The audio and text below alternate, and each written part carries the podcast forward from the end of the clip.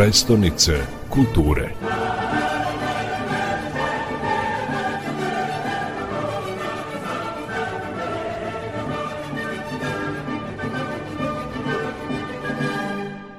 Glavno pitanje je kako sačuvati identitet i arhitekturu grada u vreme kada gradovi širom sveta postaju jedno veliko gradilište.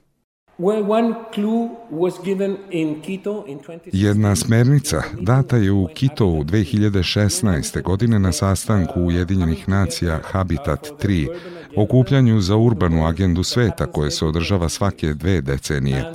Tamo se raspravljalo o tendenciji da gradimo uređene gradove kada postanemo razvijeni kao zemlja. Suština je da razbijemo tu paradigmu Ako se od starta posvetimo planiranju, imat ćemo bolje šanse za njihov razvoj. Da bi do toga došlo, moraju prethodno da se ispune tri uslova, postojanje odgovarajućeg pravnog okvira, financija i dizajna. U tom slučaju gradovi mogu biti pokretač, a ne posledica razvoja. Jedan od tekstova govori o poroznom urbanizmu. Ne treba pružati gotova rešenja, nego stvoriti otvoreni sistem koji će omogućiti proces menjanja grada, načina razmišljanja, njegovih funkcija, Sa takvim otvorenim sistemom umesto zatvorenim stičemo veće šanse da zadovoljimo potrebe stanovnika grada i sačuvamo njegovu kulturnu raznovrsnost.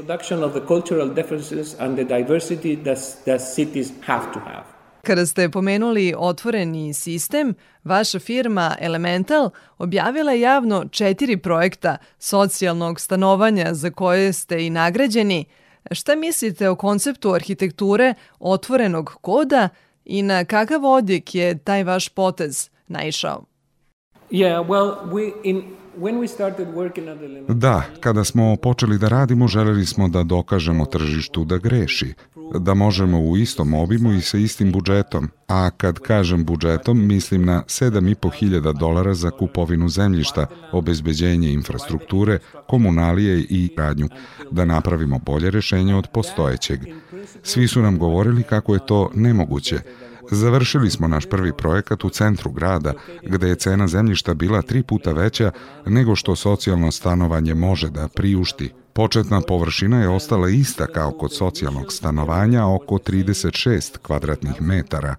Međutim, dosadašnje iskustva pokazuju da porodicama srednje klase treba oko 70 do 80 kvadratnih metara za život. Stvorili smo sistem koji može da se proširi, pošto bi se to i onako u jednom trenutku desilo. Kad smo to postigli, tržište je počelo da traži izgovore. Govorili su, da, ali to je u pustinji u Čileu. Tamo nema kiše. Šta je s kišnim gradovima? Zato smo otišli na jug i gradili u tom području. Onda su rekli, da, ali ovo je mali grad.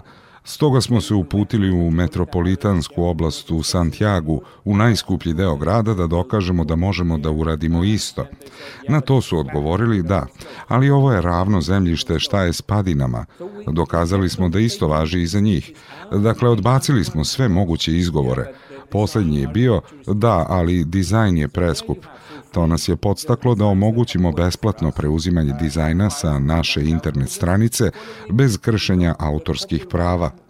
Zadržali smo samo copyleft, što znači da ako koristite naš dizajn zarad dobrobiti zajednice, bilo da ste iz nevladinog sektora, opštine ili vlade, onda je to besplatno. Ako ga koristite za ličnu dobit, onda sledite konvencionalni patentni sistem. Cilj nam je bio da odbacimo sve izgovore, Radili smo na jednom mogućem rešenju, ali možda postoji još mnogo drugih. Nismo želeli da drugi moraju da kreću od nule. To je razlog što su naši projekti preuzeti sa internet stranice više od stotinu hiljada puta. Mi smo mala praksa i ne možemo da ispratimo sve, ali smo videli primere transformacije nastale korišćenjem našeg dizajna i mislim da je to pravi način. To je veliki izazov, tako da što više ljudi bude razmišljalo o tom pitanju, to bolje.